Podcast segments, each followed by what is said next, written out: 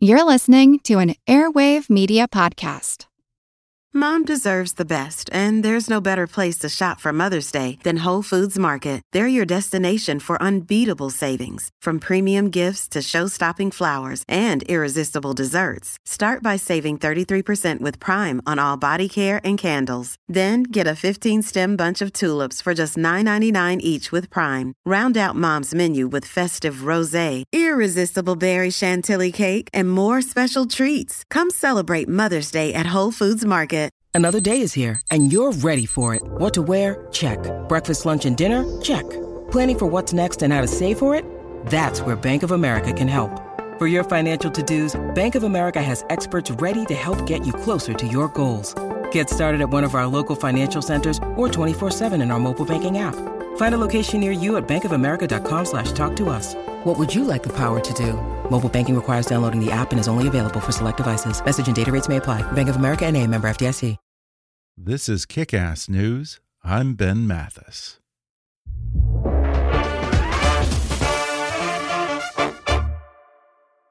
Happy New Year, folks. It's 2020, and if you're still contemplating a New Year's resolution, how about making a resolution to live to 100 or maybe even longer? My guest today wants to help you get there. Since writing his groundbreaking National Geographic article on the five places in the world known as blue zones, where the most people live to 100 or more, Dan Buettner has become a longevity expert focusing on helping Americans live longer, healthier lives. Now he's taken what he's learned and put it into his first cookbook titled The Blue Zones Kitchen 100 Recipes to Live to 100. Today, Dan Buettner returns to the podcast to share some cooking secrets that he learned from sitting in the kitchens of grandmas in all five of the blue zones, including a Sardinian minestrone that he says has all the properties of a superfood, a simple dish that he calls the healthiest breakfast in the world, and the Greek island of Ikaria's unique take on the Mediterranean diet. He also reveals the health benefits of dietary monotony and periodic fasting, why how you eat is just as important as what you eat, and why you might want to load up on beans and veggies instead of meat and eggs. Plus, he talks about traveling to Okinawa, Japan with his remarkably spry 84 year old dad and visiting a 100 year old Costa Rican cowboy who still rides his horse every day. Coming up with Dan Buettner in just a moment.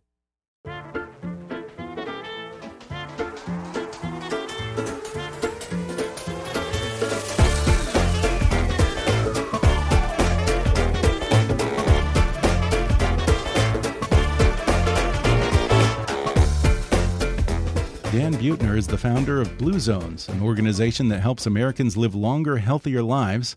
A National Geographic explorer, his groundbreaking work on longevity led to his 2005 National Geographic cover story, Secrets of Living Longer, and a second, The Search for Happiness, in 2017. Buettner has authored three national bestsellers The Blue Zones, Thrive, and The Blue Zones Solution, as well as his last book, The Blue Zones of Happiness. Now he's out with a new cookbook that's inspired by the diets of centenarians around the world. It's called The Blue Zones Kitchen 100 Recipes to Live to 100, and it's now the top selling book on all of Amazon, I'm told, and debuted at number two on the New York Times bestseller list and the Wall Street Journal bestseller list. Congratulations, Dan Buettner. Welcome back to the show. That's a delight to be here. You know, I fancy myself a real writer and my, all my other books are very science heavy. And then I write a cookbook, and it does far better than anything I've ever written. well, yeah, it's a perfect holiday gift. Everyone's buying cookbooks at, uh, at Christmas time. Yeah, makes sense. Well, this has been almost, I think, 15 years since you first wrote that article for National Geographic about these five pockets of longevity around the globe where people live to 100 or more.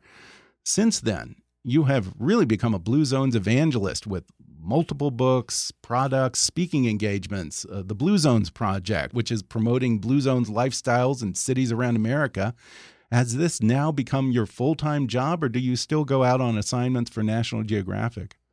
I, am still an active writer for National Geographic magazine. In fact, I have okay. a, a, big story in uh, January's issue of the of the magazine. I do a lot with them. So I essentially have I wear essentially two hats. One, I'm a writer for Geographic, but then I run this organization. Uh, it's more than just evangelizing. We're actually um, the, a city turns their entire community health um, strategy over to us Wow. to try to mimic what we found in these so-called blue zones and and reverse heart disease and cancer, diabetes, and obesity. And we've been incredibly successful. Now, you've got this beautiful new cookbook, The Blue Zones Kitchen. I loved it. I haven't cooked anything yet, but I love it. I love the photos. It's beautifully put together. And I also noticed that you got a rave review on the back cover of the book from another friend of the show, Andrew Zimmern of Bizarre Foods fame. Can't do much better than that for a cookbook. How do you know him? Are you friends? Is that a Minnesota connection yeah, or what? we both live in Minnesota. Yeah. We, yes, we uh, we we go back probably twenty years. Really? As we're friends in real life. And uh, you know, most of my other books, I'm kind of seeking scientists to give me a blurb, but I think there was probably nobody no nobody better than Andrew Zimmern to critique a travel book that involves food because Yeah. he's sort of the master, the living master. So Yeah, he's such a nice guy. I love him. he really is, and he's a great talker, and and uh, he's got a heart of gold, and the real, and he, he, it's one of these people who you love to see succeed. Yeah. and it succeed he is. Definitely. Now, uh, is there evidence that like pig brains or insects are the kind of things that he goes for No, promote no, there's not- longevity not, much longevity Okay. evidence behind that, but you will have a Yeah. lot of fun along the way. And it's great for ratings. Yeah. Now, this is a vegetarian cookbook. Why did you decide to focus on meatless recipes in here? So the idea here, we've when so you I've been working on this for 15 years because it took 15 years to a find the places where people live statistically longest Mhm. and then tease out what they're doing.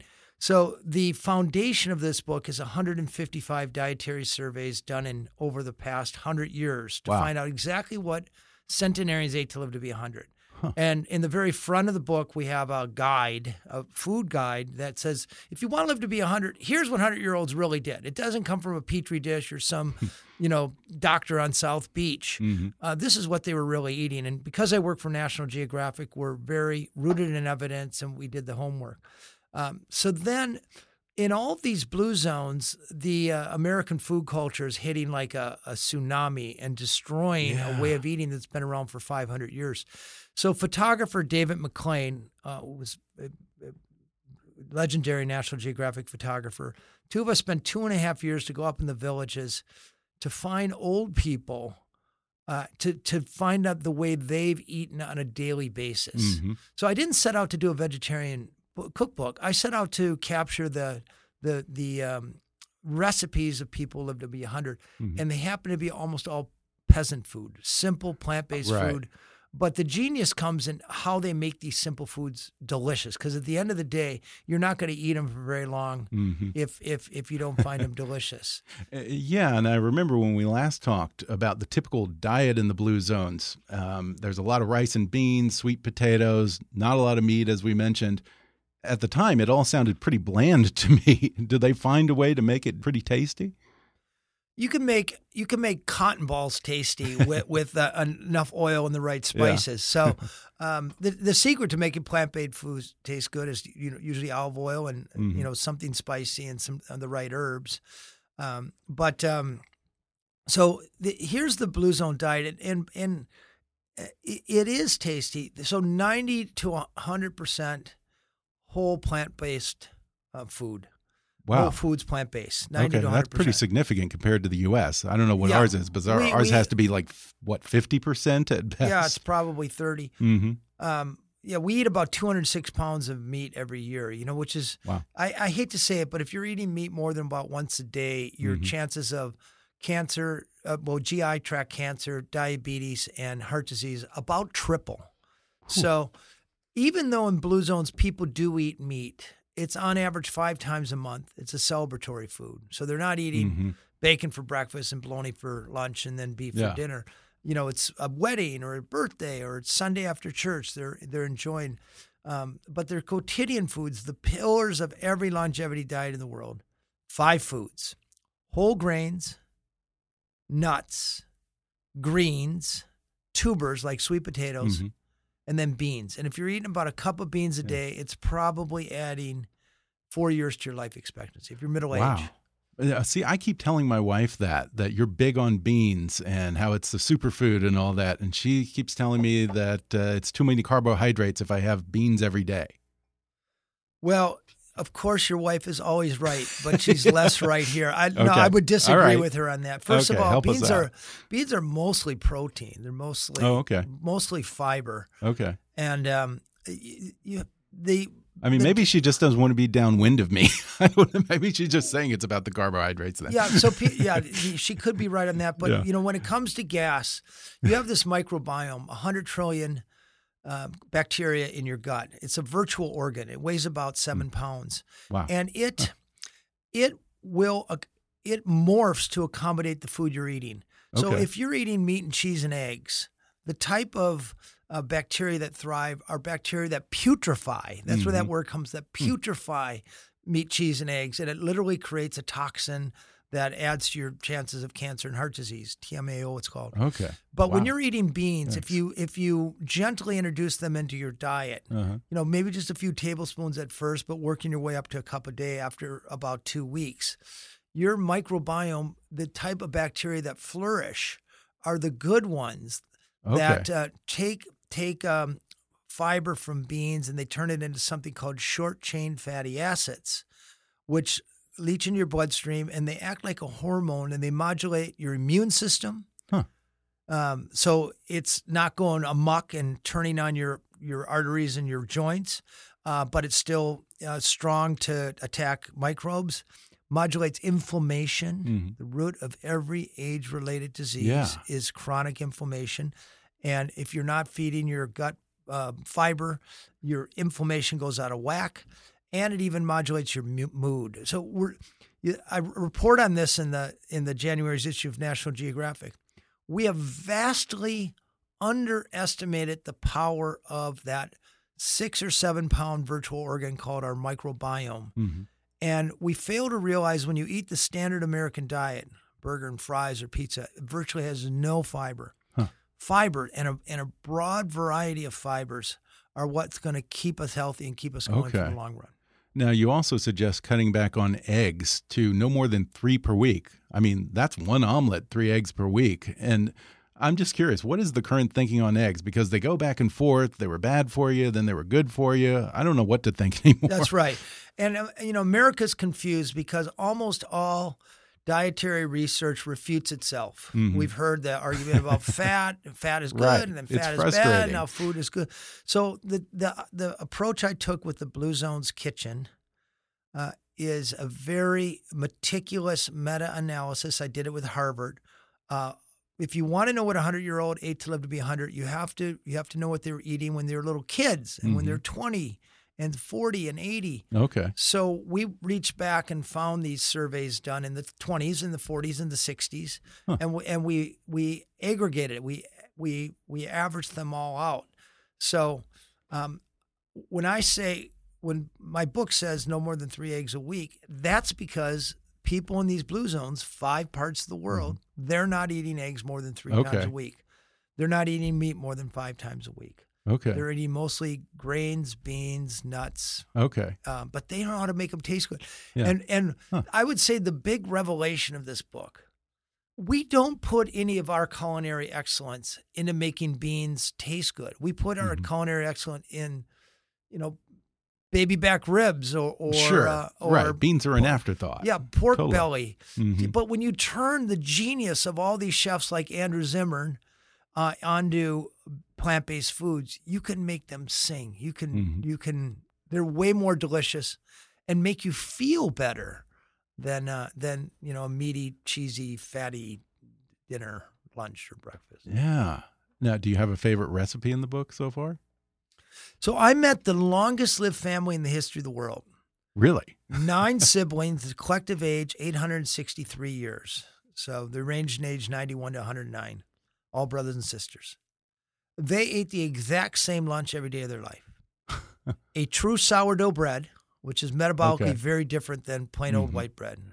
True sourdough, it takes a couple days to rise. A small glass, three ounces of red wine, of Continental wine hmm and a minestrone, which has four beans, barley, tomato, garlic, onions, um, some uh, vegetable broth, and finish, you know, cook slowly and then finish with a beautiful extra virgin olive oil. That that is That was what they have every single day of their life, and that is an absolute longevity cocktail. Um, I don't really believe in superfoods, but if I Uh-huh. had to pick one meal that's a longevity all star meal, it would be this minestrone because when, Yeah. when you add barley and beans together, it's a whole protein. Uh huh. A bowl of that has as much protein as a three ounce steak, but it's an absolute riot, a fiesta for your microbiome because Yeah. you have all these different strains of of uh, fiber that is making your microbiome happy, and Mhm. when your microbiome's happy, it makes you happy. Yeah. So in Sardinia, they don't just eat this like a cup for an appetizer. That it's a full meal, right? Yes, That's you a don't whole need meal. to. eat- Yeah, you don't Yeah. need to eat anything more. Yeah. Now, for this book, Sardinia was one of five places that you returned to, and you spent a lot of time with grandmas sitting in their kitchens, just watching and listening. What kind of things did you observe about the way they cook? They cook at home. hmm They only use about twenty ingredients over and over again. No kidding. Yeah, The ingredients kind of shift with seasons, what's in season, but a shockingly few number of ingredients. There's actually a theory that when you're using fewer ingredients, you're there's less stress on your body and your Mhm. immune system through something called methylation. Interesting. That may indeed be contributing to longevity. Uh, They tend to cook with friends. I observed this beautiful practice in Sardinia where ladies, not just old ladies, but young and old alike, they meet on um, Friday afternoon in this special hut or house that has a huge uh, um, oven, wood burning oven, and uh, they make bread together. They make the whole weeks of sourdough bread. The grandma brings the starter dough, and they'll spend three or four hours. And during that time, they're talking, they're socializing, they're you know kind of bitching about their husbands and so forth, and uh, but also getting a workout, kneading the bread and stoking the fire, and they all go home with a week's worth of bread. It's a beautiful. So it, it's cooking's often a communal practice. Yeah, I'm interested in this idea of kind of a limited variety of foods. Uh, I kind of thought that the variety was the spice of life and all that. But you know, do you think that dietary monotony may be one of the keys to longevity? And how does that work? Is it just it's easier for the body to break down, or what? We don't know for sure. My colleague Gianni Pes, who's been studying centenarians for over 30 years now in Sardinia, his theory has to do with something called methylation. So the idea is we have a certain number of cells in our body that uh, fight uh, um, foreign um, invaders in Mhm. our in our system, whether it's a microbiome or it's a it's a weird new compound or a pesticide um, they turn on to mount an immune uh, defense. And when they're turned on, they're very good at fighting off the disease at hand. But the problem is there's only a finite number of these cells. Once you turn them on, you can't turn them back off again. Okay. So once you've turned on too many, Huh. your your body can't mount a, a immune defense, and then you're more susceptible to cancer when you're older or more severe versions of diseases. So when you bombard your system with foreign, you know, spice of life ingredients, as you say, hundreds, you're eating Korean one night, Mexican another night, Right. Italian the other night. Yeah. Um, those are those are perceived as foreign ingredients by Huh. your body, and and uh, you may unnecessarily be exhausting sort of a finite immune system. Okay.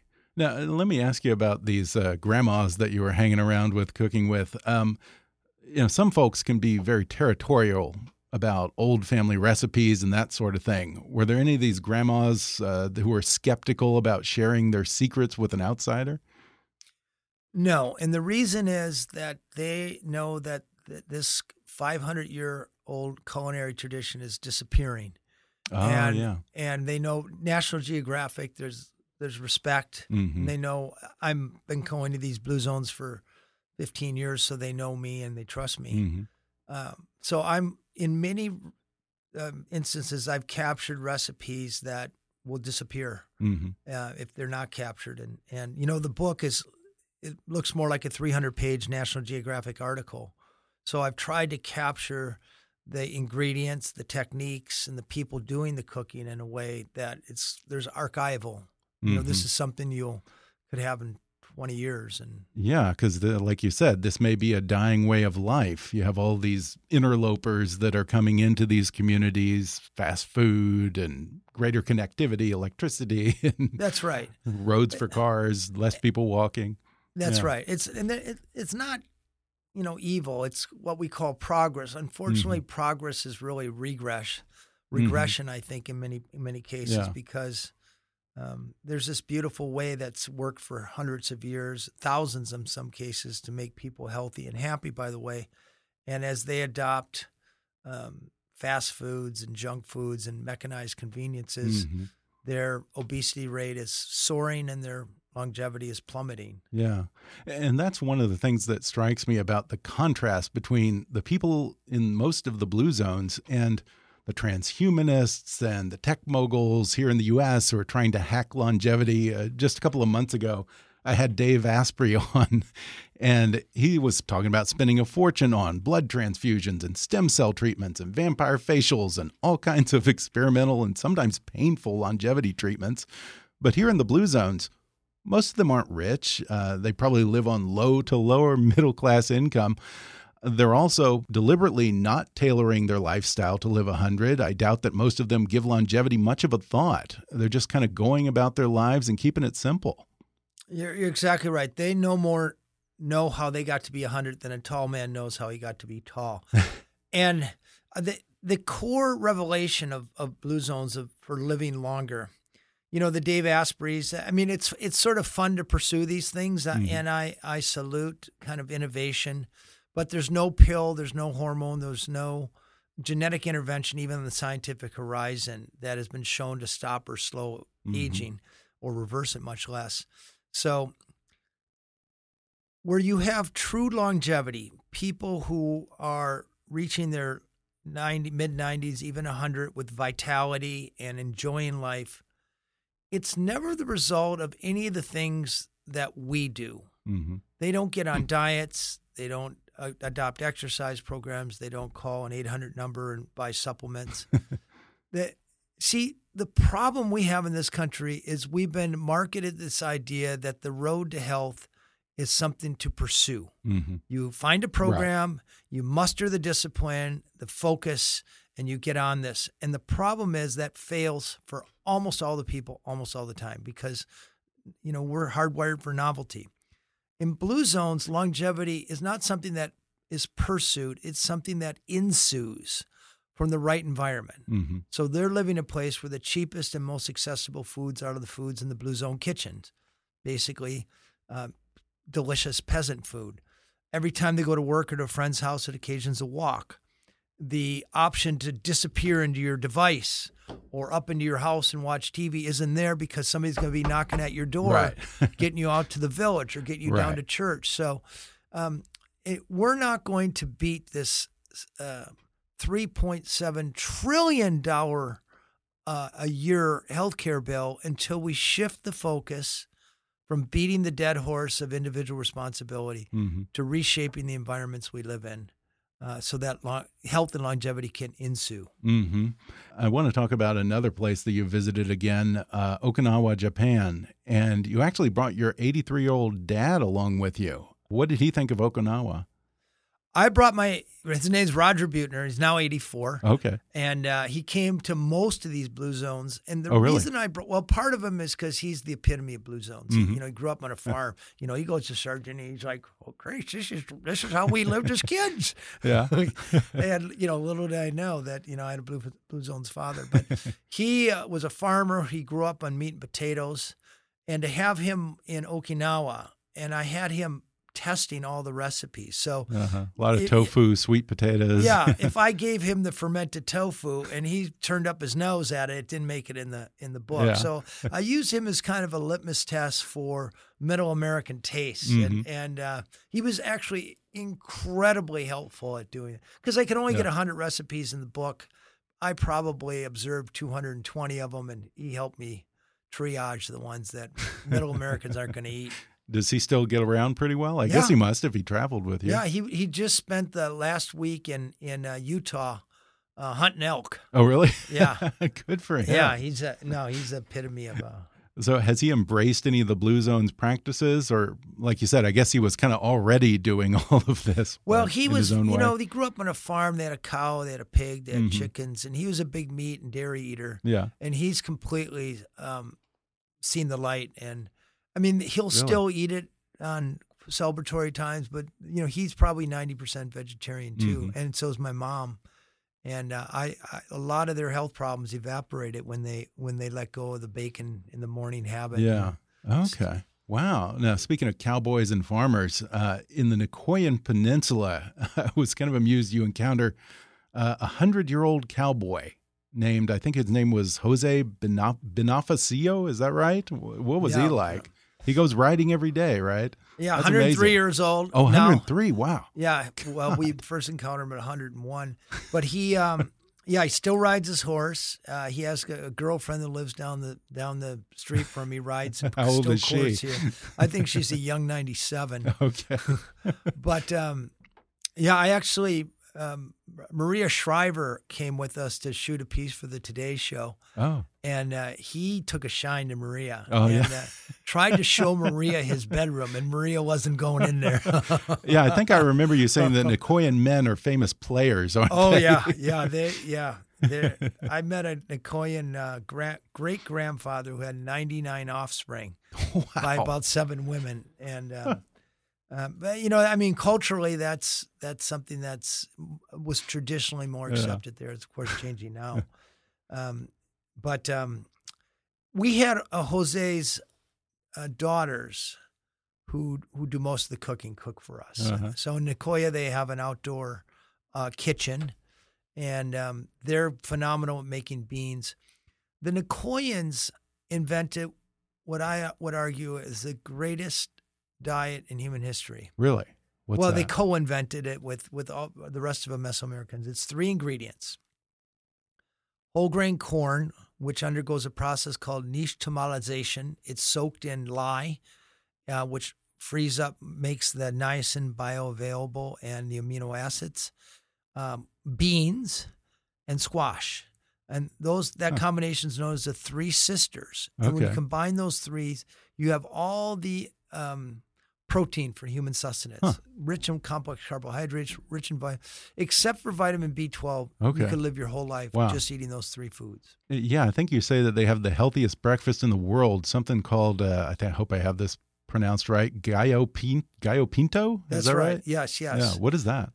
So, yeah, so it comes from a that well, the metaphorically, it's a chicken with dots in it. You know, Okay. painted uh, chicken or painted rooster, but it's um it's actually beans um, that have been uh, cooked with red pepper, onions, and cilantro, and then added to rice with avocado on the side, and then a uh, a corn tortilla.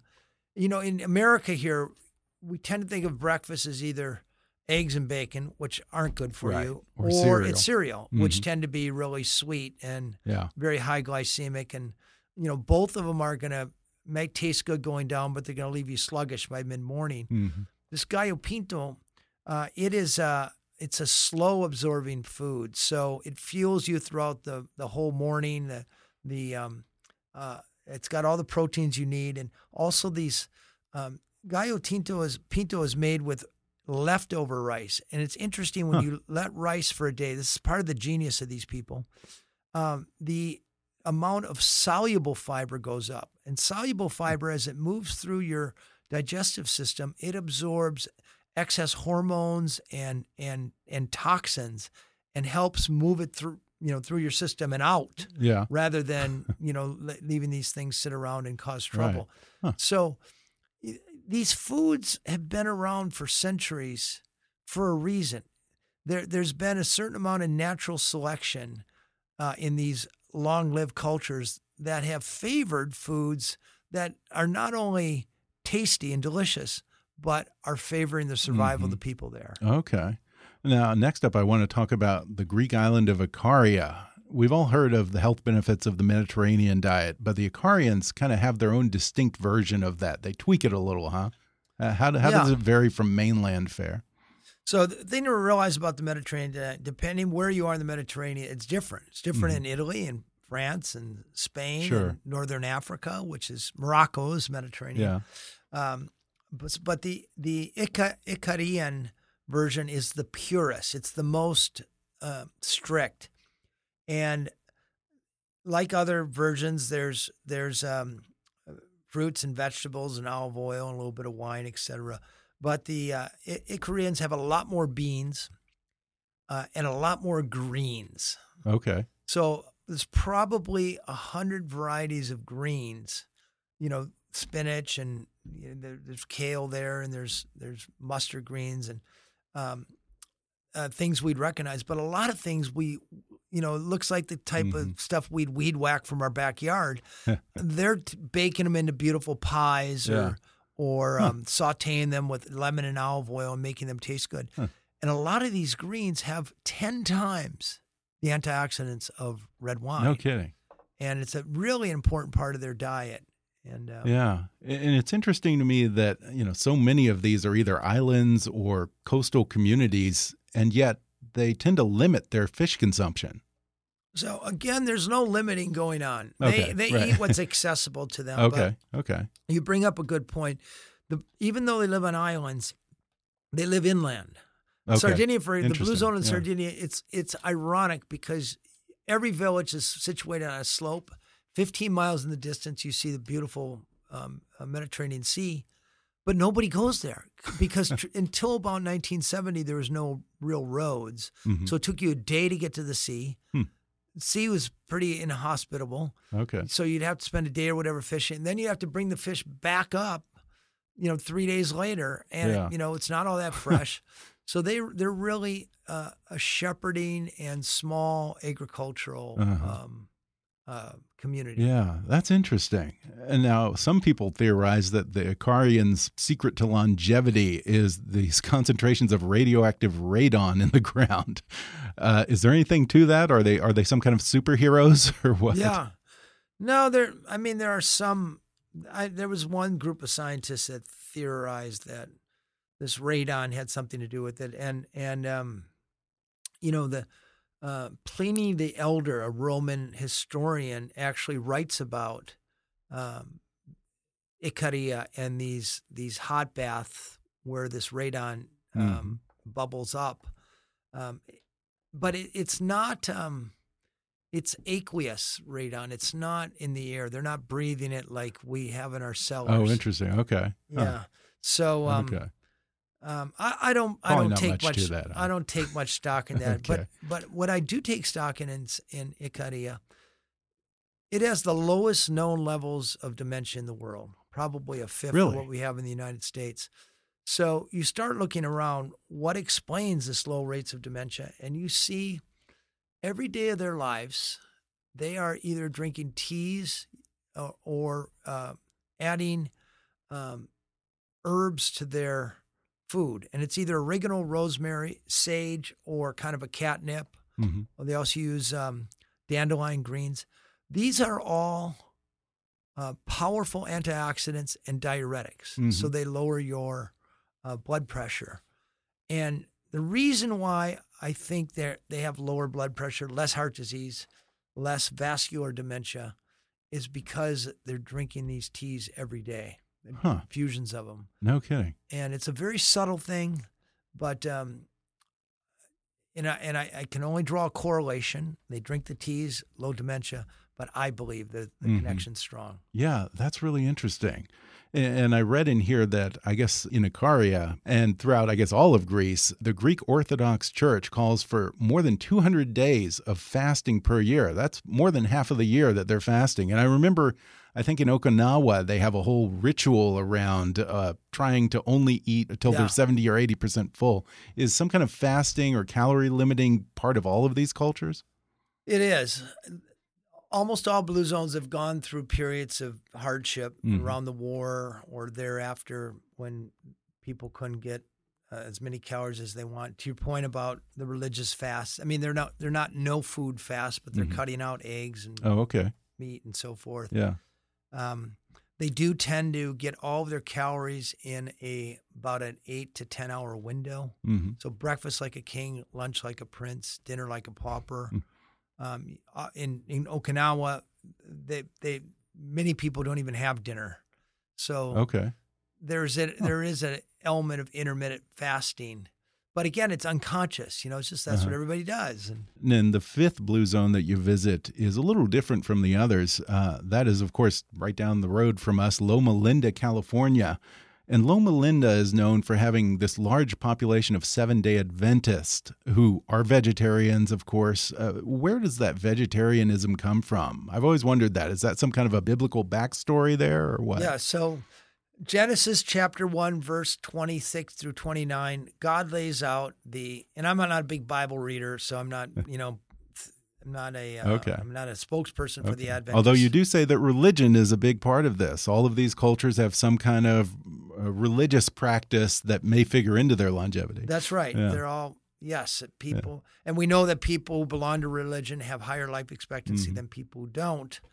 But once again, it's a correlation, and okay. you know, I should probably go to church more, but I don't. so the But- vegetarianism. Yeah. So okay. So you read these these passages from the Bible, and God lays out the diet to the Garden of Eden. I always thought somebody ought to seize this and do a diet book, but God says very clearly, every tree that bears fruit, so that's citrus and apples Mhm. and peaches and tomatoes, and then every plant that bears seed, so Mhm. that's nuts and beans Okay. and legumes and um, grain, whole grains. And then God, one stanza later, God goes on to talk about green plants. Huh. So the Adventists just take that literally. Okay. Their their uh, founder of their church, a woman named Ellen White, who um, wrote around the turn of the last century, was absolutely prescient at. You look at the dietary guidelines she set out for the Adventists; it lines up almost perfectly with the American Heart Association. They, you know, they they do eat some meat, although the longest lived Adventists, there's something called the Adventist Health Study that followed 102,000 Adventists for 30 years and split them up into four categories. You have meat eaters, you have egg and uh, cheese eaters with with vegetables. You have pescatarians who are vegans plus fish, and then you have the vegans. And the pescatarians and the vegans live markedly longer than the other two categories. Interesting. And unlike the other blue zones, Loma Lindens aren't necessarily restricted to what grows in the immediate vicinity. They have access to supermarkets and all the same food variety that the rest of us enjoy here in the land of plenty. Is their diet more diverse than most of the other people in these isolated blue zones? Perhaps slightly more, Yeah. yes, because they're have access to you know supermarkets and so forth. But the the key, the the through line here is both the Adventists and all the other blue zones live in an environment where the healthy choice is the easy choice. Mm-hmm. So in all the other blue zones, it's because that's you know beans, greens, nuts, and and and uh, whole grains are cheapest and most accessible. Mhm. Among the Adventists, Adventists tend to hang out with other Adventists, at least in in Loma Linda, and you know because they celebrate Sabbath on Saturday. You know their kids aren't playing football Friday night, and their girls aren't going to dance class. You know they they go to church together. So when you go over to one of your Adventist friends' house, nobody's barbecuing baby back ribs and you know shooting shots of tequila. Okay, so it's easier to stay in that kind of That's right. healthy eating lifestyle. Back to my Yeah. thesis: what if you want to live long a long time? Don't try to change your behavior. hmm Change your surroundings. Right, right. Central thesis of Blue Zones. Yeah. I was also surprised to read that I guess two of the Loma Linden staples are of all things Weetabix and Vegemite. now hmm. Vegemite is, you know, mostly popular in Australia, although now I think that it's kind of started to spread, no pun intended. but boom, boom, boom. Weetabix, though, I mean, that is a uniquely British breakfast food. I don't think that I have ever seen Weetabix on an American grocery shelf. How did they get turned on to those two things, and where do they even buy Weetabix here? Well, there, uh, Weetabix is a lot like shredded wheat, I think. Right, but I almost never, I don't think I've ever seen it in the U.S. But Yeah. in England, that's what every that is Yeah, the yeah. only cereal. Well, uh, it's uh, believe it or not, it's the the um, the Adventists and have um, they- because they have a plant based agenda and they're Mhm. looking for the Adventists. By the way, started Kellogg. The the, the, the you know grocery- what? That's right. Har- Yeah. yeah. John Harvey Kellogg. Yeah. Yes, he, he's an Adventist. So they were looking for a plant-based alternative to eggs and Mhm. bacon, and and cornflakes came Yeah. into into and and uh, grape nuts. uh, then grape well another story. But but um, so the Australian equivalent of that is Weetabix and and uh, Mhm. Vegemite. hmm Uh, so um, yeah, we got the Adventists Yeah. to thank for figuring out how to eat a healthy breakfast. Yeah. Now, just again for a little refresher course, aside from the food aspect of this, remind us what are the most important habits of longevity embraced in the blue zones? So I don't like to use the word habit Okay. because I don't believe in you can, you can change habits. Okay. But um, the characteristics are um, people live in they they have a they can articulate their sense of purpose, worth Mhm. about eight years of life expectancy. They have sacred daily rituals that help them downshift and reduce inflammation, either prayer or taking naps or or um, happy hour. Mhm. Very nice practice. They don't mindfully exercise in the way we exercise, but instead they live in places where every time they go to work or a friend's house or out to eat, it occasions a walk. Okay. They have It's gardens out back. So they're just mindlessly nudged to weed and water and harvest. Uh-huh. They don't have these electrical conveniences. hmm Um, Okay. They tend to um, uh, put family first, belong to religion, and curate a social circle of four or five people around them whose idea of healthy eating is vegetarian, who idea of recreation is walking or gardening, uh, and who uh, are people who will care about you on a bad day. hmm So, um, Blue Zones is pro purpose, pro plants, pro social, and pro pedestrian. Okay. That's kind of the four. Good stuff. And before we go here, I want to mention again that you are sort of spreading these, I don't want to call them habits, but these blue zones practices or lifestyles uh, to communities across America through this project you call the Blue Zones Project, which I think you started a few years ago. Uh, you even include a few recipes inspired by the towns that are promoting Blue Zones lifestyles. How many communities are participating in that now? We're up to 50 cities, including Fort Worth, Texas, Orlando, Florida, and Austin, Texas. And Great. it's it's not really me promoting. They come to Okay. me actually. Huh. And I have a team. I have 200 employees now who when we're invited into a team, we work with city council to pick food policy, food policies, uh, active living policies, and tobacco policies that favor the healthy choice over the unhealthy choice. Um, we have a Blue Zone certification program for restaurants, grocery stores, workplaces, schools, and churches. And during our fo- five years in a city, we want to get at least 30 to 40% of those places certified. And then we have a third team that works with individuals to get 15% of people to reshape their social network, take checklists into their homes and their kitchen to optimize their surroundings. So, um, you know, we do a lot of work, but it's not silver bullet, it's silver buckshot. We unleash a swarm of healthy nudges and defaults. Often people aren't even aware of them. But in Fort Worth, after four years, and the, the mayor brought us in, and Texas Health Resources, um, you know, paid for it. It's always privately funded. Uh, we saw a six percent drop in obesity at the whole city level. Really? Smoking dropped by three percent.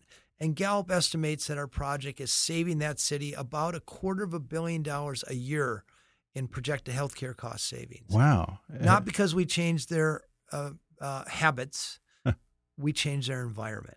Now, have you gotten the people in Fort Worth to eat fewer steaks and Yeah. barbecue too? How did you do that? So you, th- here's the secret: you don't come in and you tell people what to eat. And You Mhm. don't take away their choices. right. But we do. You know, the Fort Worth is called Cowtown. We got about 103 restaurants to offer some plant-based options. That's so a lot you- of restaurants. Wow. you it took us five years. Yeah. But, but when you go to the most famous steakhouse in downtown Fort Worth, uh, you can get a grilled portobello if you Huh. don't want to eat a big chunk no of dead kidding. animal. Wow. That's amazing. Well, again, Dan Buettner's book is called The Blue Zones Kitchen 100 Recipes to Live to 100. And of course, you can find all kinds of other cool stuff at his website, bluezones.com. Dan, thanks again for talking with me. I'll meet you back here when you're 100. All right. I hope so. All right, buddy. Thank you. Thanks. Again to Dan Buettner for coming on the podcast. Order his book, The Blue Zones Kitchen 100 Recipes to Live to 100 on Amazon, Audible, or wherever books are sold. Learn more at bluezones.com and follow Dan on Twitter at, at bluezones. If you enjoyed today's podcast, be sure to subscribe to us on Apple Podcasts and rate and review us while you're there. Five star ratings and detailed reviews are one of the best ways for new listeners to discover the show. You can also follow us on Facebook or on Twitter at, at KickassNewsPod and recommend us to your friends on your social media. For more fun stuff, visit kickassnews.com, and I welcome your comments, questions, and suggestions at comments at kickassnews.com. For now, I'm Ben Mathis, and thanks for listening to Kickass News.